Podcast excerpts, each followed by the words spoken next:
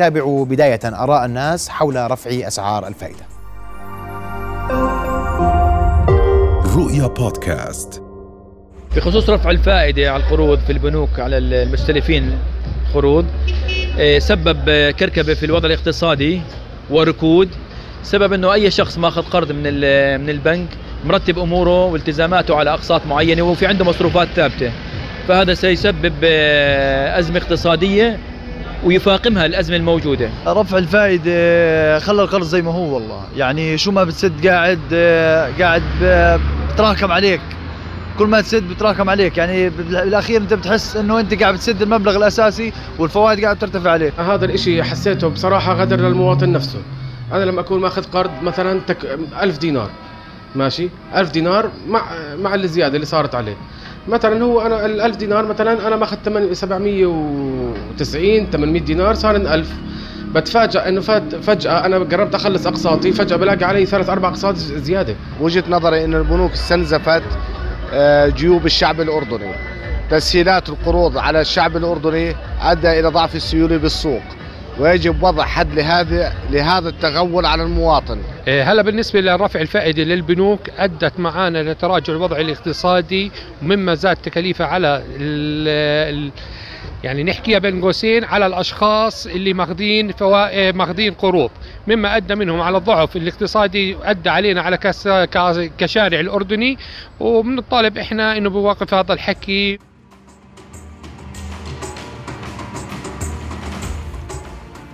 هذه إذا كانت آراء الناس حول موضوع رفع أسعار الفائدة وهو رفع متواصل منذ عام تقريبا وهناك مبررات يصوغها الاقتصاديون لهذا الرفع. للإجابة أكثر على تساؤلات الناس لماذا هذا الارتفاع؟ لماذا يستمر؟ أرحب بضيفي مدير جمعية البنوك دكتور ماهر المحروق. مساء الخير دكتور ماهر. مساء الخير. أهلا بك. أول شيء أول سؤال ليش عم نضل نرفع الفائدة؟ أه تحياتي أخ محمد لك وللمشاهدين الكرام. وبداية خلينا نعرف سعر الفائدة آه، أو شو هو سعر الفائدة. سعر الفائدة هو أداة من أدوات السياسة النقدية.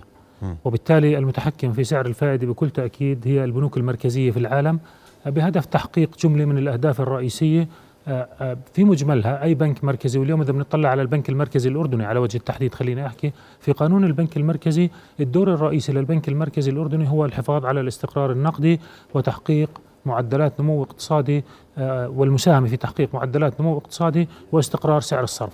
هذه أهداف استراتيجية للاقتصاد الأردني آه، يسعى الجميع لاستقرارها آه، والوصول إليها. فبالتالي حتى يتمكن البنك المركزي من تنفيذ هذه السياسة وتحقيق أهدافه التي يسعى إليها لابد من اتخاذ جملة من الإجراءات وهذا الإجراء المتمثل في أداة سعر الفائدة كأداة من أدوات السياسة النقدية بيتم اتخاذه في ظروف إما لسياسه نقدية توسعية أو انكماشية. والحالات اللي بصير فيها يعني في حالة الأزمات الاقتصادية على سبيل المثال والظروف الطارئة يعني أو عفوا يعني حالة الأزمة الاقتصادية بتلجأ البنوك بالعادة لتخفيض أسعار الفائدة وبتتبع سياسه بسموها سياسة نقدية توسعية. والهدف منها تخفيض معدلات الفائدة حتى تشجع الطلب الكلي وتضخ مزيد من السيولة في السوق. آه، في حالات التضخم اللي إحنا عشناها السنة الماضية وأسبابها واضحة ومعروفة للجميع حتى لا أعيد وأكرر ما هو معروف للجميع. آه، نتيجة أحداث كورونا نتيجة أحداث الحرب الأوكرانية الروسية وتأثيرها على سلاسل الإمداد والآثار الاقتصادية العديدة وما أدت إليه من ارتفاع في معدلات التضخم. آه، تم اتباع سياسة اللي هو آه، رفع أسعار الفائدة في محاولة من البنوك المركزية في العالم لكبح جماح التضخم والحد من تأثير استمرار ارتفاع الأسعار. والتضخم بتعريفه البسيط اللي إحنا بنعرفه جميعا اللي هو الارتفاع المستمر في المستوى العام للأسعار. بس يا دكتور الناس اليوم ضجه أنا باخذ فائدة كنت على 8% آه، 7% صارت 9 و10 نعم. اللي أخذ على 9 صارت 12 اللي أخذ سيارته على خمس سنين صارت ست سنين. مدد زادت. أقساط زادت. خلينا نسبة فائدة زادت. خلينا نفرق خلينا نفرق بين شغلتين. م. المدد اللي زادت والأقساط اللي زادت مش كلها بسبب موضوع رفع أسعار الفائدة. إحنا ما ننسى فترة كورونا صار كم تأجيل لأقساط القروض. هذا رقم واحد. م. العام الماضي على وجه التحديد 2022 صار ثلاث مرات تأجيل لأقساط القروض وكنا بنحكي ومن خلال يعني منبر نبض البلد حكيت في هذا المكان تحديدا إنه تأجيل الأقساط بيتم بدون رسوم وبدون عمولات ولكن تأجيل القسط إلى آخر عمر القرض يؤدي إلى تمديد الفترة الزمنية وتراكم بعض الإضافات. فما زاد على الناس ليس كله بفعل رفع أسعار التضخم. وأحكي لك ليش مش بفعل آه، عفوا رفع أسعار الفائدة. ليش مش كله برفع أسعار الفائدة؟ وبأرقام وبدراسة موجودة اليوم في جمعية البنوك بقدر أحكي. متى البنوك بتقدر تعكس هذا هذا ال ال بعدين برجع لسؤالك أنا مش هنساه يعني مش هتجاوز مشان أكون دقيق. تفضل. بس آه، ال- البنوك متى بالعادة بتعكس الرقم على ال- العميل؟ البنك بيعكس- بيعكس الرقم على العميل عند دورية التسديد دورية أو دورية تعديل العقد المتوقع ما بين العميل وما بين البنك. هناك عقد يوقع بموجب تعليمات البنك المركزي يحدد فيه سعر الفائدة وتحدد فيه دورية التسديد أو دورية تعديل سعر الفائدة تسمى. هذه الدورية قد تكون ربعية وقد تكون نصف سنوية وقد تكون سنوية. إنه كل ثلاث أشهر أنا بعدل سعر الفائدة حسب الوضع في السوق وبعدل سعر الفائدة خلينا نتذكر كمان مرة التعديل مش يعني رفع التعديل قد يكون تخفيض. ولنا في كورونا مثال وشاهد قريب يعني مش زمان. نحكي بشهر أربعة أو بشهر خمسة 2020 إذا ما خانتني الذاكرة البنك المركزي خفض أسعار الفائدة بقرار واحد 150 نقطة أساس يعني واحد ونصف في المية. انخفض سعر الفائدة الأساسي في البنك المركزي من أربعة لاثنين ونصف في المية. هذا هذا الحديث تم في في 2020 إذا إذا بنطلع عليه. ال- اللي صار اللي صار في 2022 لغاية شهر 10 البنك المركزي رفع أسعار الفائدة بمعدل تقريبا من 2.5 ل 6.5% آه، آه، على مدار العام كاملا. ولكن لغاية شهر 10 تم الرفع من 2.5 ل 5 وربع تقريبا. يعني في تقريبا 2.75 زيادة سعر الفائدة صار. بس زادت عنا في ناس في بس خليني أحكي لك في, في هذا الشهر بالأرقام تحديدا. مم. هذا الرقم زاد من أول شهر من بداية العام لغاية شهر 10 2022 زاد الرقم من 2.5 ل 5 وربع. فمعدل الزيادة 2.75 ما تم عكسه على المواطنين 1.18 أقل من نصف المية. ليش؟ بسببين بالعاده السبب الأول هو دورية العقود. اللي هي عملية نظامية. أنا بعدل يعني أنا أنا موقع الفائدة رفعت اليوم بس أنا عقدي بتعدل يوم واحد ثلاثة أو يوم واحد أربعة من كل سنة أو يوم كل واحد أو كل ربع بواحد أربعة وبواحد سبعة وبواحد تسعة وبآخر السنة وهكذا. فحسب طبيعة العقد الموقع ما بين البنك وما بين آه، العميل. السبب الآخر آه، يعني حتى نكون واضحين وصريحين هو سبب آه، منافسة في القطاع المصرفي. السوق الأردني سوق صغير وحجم المنافسة قوية جدا. فبالتالي عملية التعامل مع أي بنك عملية خاضعة للتفاوض من قبل العميل. في عملاء بتقترض على سبعة في عملاء بتقترض على سبعة إلا ربع في عملاء بتقترض على سبعة فاصلة صفر خمسة. هذا هذا هذه الفروقات بتصير بسبب القدرات التفاوضية والعميل كيف بفاوض وملاءة العميل وهامش المخاطر واعتبارات كثيرة تؤخذ بعين الاعتبار. هذا هذا بشكل عام ليش مش كل شيء يعكس؟ ليش اللي بصير في الأردن بهذا الشكل وليش نضطر نرفع سعر في الفائدة ناس بقول لك أنا خمس سنين فرقت معي. بالسداد. أنا أنا بقدر أنا بقدر ظروف المواطنين وبقدر الوضع اللي بيصير وبعرف إنه إحنا يعني الأمور مش قمره وربيع يعني ورفع الفائده بعرف إنه موضوع مش سهل وأي شيء يؤثر على يعني ذو تأثير مباشر على جيبة المواطن بعرف إنه قرار آه، مش بسيط وبغض النظر حتى لو كان في إيجابيات لما بصير تخفيض الفائده إحنا ما بنحكيش. بس أنا ما بلوم الناس لما بتحكي لما بصير في رفع للفائدة. هذا حق وبجوز كلنا آه، نمتلك هذا الحق ونعترض عليه ولكن خلينا نطلع على البدائل. لو ما اتخذناش مثل هذا القرار أو البنك المركزي لم يتخذ قرار رفع أسعار الفائدة، إحنا كنا بنشوف وكلنا بنعرف الدينار الأردني مرتبط من حيث سعر الصرف ومربوط بالدولار الأمريكي وثابت على سعر صرف ثابت من العام 1995 يعني بنحكي تقريبا على 28 آه، سنة آه، آه، إحنا يعني مثبتين سعر الصرف أو على 30 سنة قربنا اليوم من تثبيت لسعر الصرف وأثبتت هذه السياسة كفاءة وجدوى في الاقتصاد الوطني واستقرار لسعر صرف الدينار الأردني. لو لم نتخذ مثل هذا القرار شو كان ممكن يصير في الاقتصاد الأردني؟ هذا البديل الآخر اللي خلينا نفكر فيه ونطلع عليه وأرجو إنه أنا اللي بدي أحكيه أمثلة بديش أحكي يعني بحكيش يعني بحكيش على على وقائع. دينارنا وضعه مطمئن آه، آه، جهازنا المصرفي مستقر وفي وفي أحسن حالاته ومؤشراته المالية ومؤشرات الملاءه المالية والنقدية ممتازة جدا ومستقر ولكن برضو نطلع على الجانب الآخر. ولنا في دول الجوار أو بعض دول الجوار دول الجوار بدل العبرة عبر. يعني أنا بدي أذكر إحدى الدول على سبيل المثال التي امتنعت عن اتباع خطوات الفدرال الأمريكي برفع أسعار الفائدة في آخر من شهر 7 لشهر 12 اضطرت بنهاية شهر 12 لرفع أسعار الفائدة 3% مرة واحدة 300 نقطة أساس بقرار واحد. بقرار واحد وارتفع التضخم فيها إلى مستويات غير مسبوقة وسعر صرف العملة تدهور إلى مستويات غير مسبوقة ولم تشهدها تلك الدولة على الإطلاق. فالخيار الآخر والبديل أمامنا إنه إحنا اليوم أنا كمواطن أردني بالدينار الأردني اللي معي اللي بجيب دولار و40 سنت بقدر أشتري احتياجاتي اللي ب 100 دولار ب 70 دينار.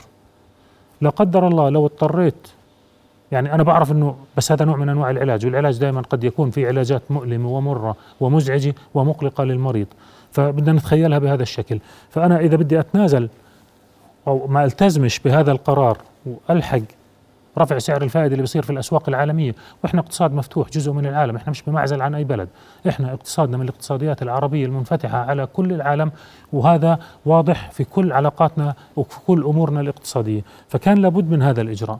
إذا ما أخذنا مثل هذا الإجراء إحنا لا قدر الله الأغراض اللي بتشتريهم اليوم اسبوعيا بقيمة اللي هم قيمتهم سواء كانوا منتجات محليا وبيستخدموا مواد خام أجنبية أو مستوردة أو كانت بضائع مستوردة بتجيبها على بيتك قيمتها 100 دولار تدفع لها 70 دينار مشان تجيبها لا قدر الله ممكن تصير تدفع لها 200 دينار مشان تجيب نفس البضاعه اللي قيمتها هي أصلا ظلت 100 دولار. ولكن أنت عداك عن موضوع التضخم شو بده يصير في الاقتصاد؟ تضخم في في مناحي كثيرة. فخلينا نطلع يعني على على على الجانب ال أنا بقولش إنه إيجابي بس على الجانب الأسلم. للاقتصاد الوطني وهو جانب إيجابي. أنا بقدرش أنكر إنه إيجابي لأنه كاقتصاد لازم أحكي هذا إجراء إيجابي لحفاظ وسلامة ومنعة الاقتصاد الوطني. ولكن أنا مراعاة للمواطنين حتى ما يفكروا إنه أنا بحكي ومش عارف شو الوضع. لا أنا عارف وفاهم ومقترض زي زي كل الناس اللي في البلد. فهذا يعني أنت معنى كلامك يا دكتور ماهر اليوم إنه أنا اليوم برفع سعر الفائدة عشان أخلي ال 100 دينار 100 دينار؟ عشان أخلي ال 100 دينار 100 دينار. لأن مستوى التضخم في الأردن اليوم 4.32 من أقل مستويات التضخم مش بس في المنطقة في العالم كمان. وإذا ما رفعت سعر الفائدة ما أنت أج... أنت ما رفعت ما عكستها. أنت اليوم بتبعت للناس رسائل. معلش خليني أحكي معك أنا بلغة تفضل. الناس. اسمح لي؟ تفضل حضرتك أنت اليوم تبعت لل... لل... للشخص فائدتك كانت سبعة صارت عشرة. هذا البنك هذا القرار مش بياخذه البنك لأنه بده ياخذه البنك. لأنه كلفة الأموال على البنك بموجب قرار البنك المركزي ارتفعت. فبالتالي لابد من عكسها هذا بموجب الاتفاق الموقع ما بين العميل والبنك. ومن هون أنا بقول بتمنى على كل شخص في كل واحد كل مقترض. أنت قلت لي إحنا رفعنا اللي, عكسناهم. إحنا قديش رفعنا من أول ما إحنا رفعنا؟ من آه، اول قديش؟ من اول من اول؟ إحنا بلشنا بال 2022 تم الرفع سبع مرات. كان سعر الفائدة 2.5% سعر فائدة الأساس ارتفع ل 6.5% أنا أقول يعني قديش كان؟ كان 2.5% صار؟ صار 6.5 يعني دفعتوا 4% رفعنا 4% يعني اللي كان ماخذ على سبعة صار ماخذ 11 هلا مش بالضرورة كلها انعكست ب 11 أنا قلت لك الافرج لغاية شهر 10 بموجب دراسة النص. في ناس في في في ناس الأربعة صارت عليه اثنين. يعني الرفع أربعة بس انعكس على قرضه باثنين. بيعتمد زي ما قلت لك على معايير كثيرة وعلى معطيات كثيرة. دورية القرض متى صارت؟ بس أنا بحكي على قروض بس المواطنين أنت اليوم الأفراد أنت كلهم. اليوم كب اليوم كبنوك بناء على المركزي إنت رفعت كل قرض 4% كلها في القرض ارتفعت 4% أنا بحكي هسه لو اليوم بدي أحكي على هذا الموضوع اليوم بدي أسعر قرض بدي أسعره أخذ بعين الاعتبار بفرق عن شهر واحد 2022 4% بس قرض قائم مش بالضرورة 4% يمكن زاد اثنين يمكن زاد ثلاثة حسب الدورية وحسب القدرة التفاوضية. وعشان هيك ضربت لك مثال لما كانت القروض سعر الفائده الأساسي في البلد 2.5% في بداية السنة وارتفع لخمسة وربع لغاية شهر 10 فترة من عملت الدراسة فكان معدل الزيادة 2.75 يا دكتور ماهر اسمح لي ما في ناس اليوم أنا بدي أحكي لك بصراحة في أكيد. في قضايا بترفع في المحاكم. على البنوك. لأنكم أنتم بترفعوا سعر الفائدة. نعم. والبنوك اليوم اللي كان قسطه على على 5% وصار 9 فرقت مع الضعف يعني. آه، هو ما فيش حدا صار هيك. أنا بأكد لك. لو لو دقق في قرضه كويس ما حدش بصير بيكون خمسة بصير عشرة. ولا حدا كان خمسة وصار 11 مم. يعني أنا يعني في هذا في هذا الموضوع يعني قد أصل إلى حد الجزم. ولكن في في في صيغة السؤال آه، وكأنك يعني عملية رفع سعر الفائدة قانونية قانونية. كيف قانوني؟ قان- أنا بقول لك ليش قانونية؟ لأنه العلاقة ما بين ال ال البنك والعميل بتحكمها تعليمات. وهذه التعليمات مترجمة إلى عقد. أي واحد بده يقول لي أنا بقرأش العقد أو ما قرأتش العقد ولا واحد بكره كلنا يا دكتور وأنتم كلنا وأنا أول واحد مواطن وماخذ قرض. كنا بنوقع على 20 30 50 ورقة والله. ملح العقد العقد واضح بيختلف عن القرض وبيحكوا لك إنه هذا عقد بموجب تعليمات الشفافية والإفصاح الشفافية والعدالة في التعامل مع العملاء في تعليمات صادرة عن البنك المركزي. في العام 2012 بتحدد آه، ما هي محتويات العقود وما هي الصيغة الواردة فيها لدرجة إنه في خمس معلومات رئيسية جدا بركزوا عليها في هذه التعليمات هي قيمة القرض عدد الأقساط سعر الفائدة. تعديل سعر الفائدة متى بيتم؟ ومعلومة أخرى هلأ آه، مش بتذكرها. آه، على سبيل المثال في هذه الورقة أنت بتوقع في أسفل صفحة العقد هذه المعلومات الخمسة تذكر بطريقة مختلفة وبطريقة مميزة. وبذكروا في التعليمات إنها يجب أن تكتب بفونت خط أكبر من خط العقد العادي وببولد خط أغمق ويجب أن يوقع العميل على الهامش مقابلها حتى يتاكدوا إنه شافها وقراها شاف إنه مبلغ القرض تبعه هيك. عدد الأقساط هيك موعد القسط هيك قيمة الفائدة عليها اليد ودورية التعديل على العقد في هذا العدد. ولكن إحنا في الوضع الطبيعي أنا لما باخذ بروح باخذ قرض وباخذ مصاري أنا بوقع على كل شيء عشان آخذ الفلوس. زي لما بناخذ خط تليفون كلنا بنوقع على العقود تبعت التليفون بدون ما نقرأها ما حدش فينا عمرك قرأت عقد لتليفون؟ ولا واحد ولا أنا ولا غيره. وأنا نفس الشيء لما اخذت القرض بجوز صار في هيك. بس بجوز اليوم فرصة إنه إحنا كمان يعني مش غلط نتعلم ونعرف إنه لازم تطلع على خمس قصة معلومات قصة مهمة. القضايا العفو. ترفع في البنوك القضايا التي ترفع أنا موجود معي يعني في في زي ما في قرارات القرار اللي بيتم الإشارة له في مرات كثيرة هو قرار اتخذ في عام 2019 في قضية محددة في بنك محدد أنا هذا قرار في اتجاه ولكن هناك عشرات بديش أقول مئات القرارات في الاتجاه الآخر اللي ما حدش بيحكي فيها. وآخرها ب 8 11 2022 قرار لمحكمة التمييز بهيئة خماسية من خمس قضاة وليس بالهيئة العامة. كما هو ذلك القرار تبع عام 2019 هيئة خماسية يعني كما يسموها القانونيين أنا مش قانوني بسموها هيئة خماسية من خمس قضاة من أعضاء محكمة التمييز. وقعوا على هذا القرار وهي قضية خاصة تخص بنك محدد في ظروف محددة وظروف معينة. ولكن القرار الأخير والذي يشبه العديد من القرارات التي اتخذت في محكمة التمييز آخر واحد كان بشهر 11 2022 أكد أنه العقد شريعة المتعاقدين ونص القرار هي موجود يعني بتقدر أي حدا يطلع عليه وبيقدر يقرأه. يعني ضمن بيانات الدعوة وحيث أن عقد القرض المقدم ضمن بيانات المدعي قد اشتمل في البند الثاني منه على بيان مقدار القرض والفائدة والعمولات وآلية التسديد. شوف هذول كلهم مذكورين في العقد ومقدار الأقساط وتاريخ استحقاقها. وقد تضمن في الفقرة ومنه أنه يحق للبنك تلقائيا ودون حاجة لأي إشعار مسبق أن يعدل أسعار الفائدة والعمولة زيادة أو تخفيضا. كمان مرة التخفيض البنك المركزي بال 2020 لما أخذ قرار فائدة بتخفيض أسعار الفائدة. أخذ قرار بنفس بعدها بفترة بسيطة حتى الناس تشعر بالتخفيض. ألزم البنوك بتخفيض أسعار الفائدة بشكل ربعي مباشرة. ما استناش عليه للدورية كمان. طلع تعميم وقال لهم خفضوا أسعار الفائدة بواحد ونص نقطة. فالبنوك تلتزم بالتعليمات الواردة عن البنك المركزي كجهة رقابية وإشرافية مهمة وذات استقرار وذات يعني اطلاع ومعرفة وسيطرة على القطاع وتدير الاقتصاد الوطني من جانبها فيما يتعلق بشؤون السياسة النقدية على أعلى درجات المهنية والاحتراف بشهادة الجميع مش بشهادتي أنا بشهادة يعني مؤسسات دولية ومؤسسات أخرى كانوا قادرين على الرقابة والإشراف على مثل هذه الأمور بمنتهى الحصافة طيب. والإتقان أنتم اليوم اضعفتوا السيولة في البلد بهذه القرار مين حكى؟ هيك هيك الرأي. آه الرقم الأخير للإحصاءات لإحصاءات البنوك لغاية شهر 11 معدل التسهيلات النمو في التسهيلات الائتمانية زايد 8% مقارنة مع العام 2021 لما كان يعني السنة اللي شهدت سبع ارتفاعات لسعر الفائدة زادت التسهيلات الائتمانية فيها 8% والودائع زادت فيها بمقدار 6.5% سنة 22 سنة 22 لغاية شهر لغاية شهر 11 وشهر 12 كمان في شوية زيادة فممكن نوصل 8.5 كمان. وم- وكمان معلومة أخرى مهمة معدل ال ال ال بس خفضتوا السيولة في إيد الناس. آه، هاي ما بتخفضش سيوله في إيد الناس. هسه بدك تقول لي في ناس مثلا بيسأل أحيانا بيقول إنه الاستثمار وسعر الفائدة. مم. نظريا العلاقة دائما في الاقتصاد لما بدرسوا اقتصاد بيقولوا في ظل ثبات العوامل الأخرى. بيقولوا العلاقة ما بين الاستثمار وسعر الفائدة علاقة عكسية يعني لما بزيد سعر الفائدة بقل الاستثمار.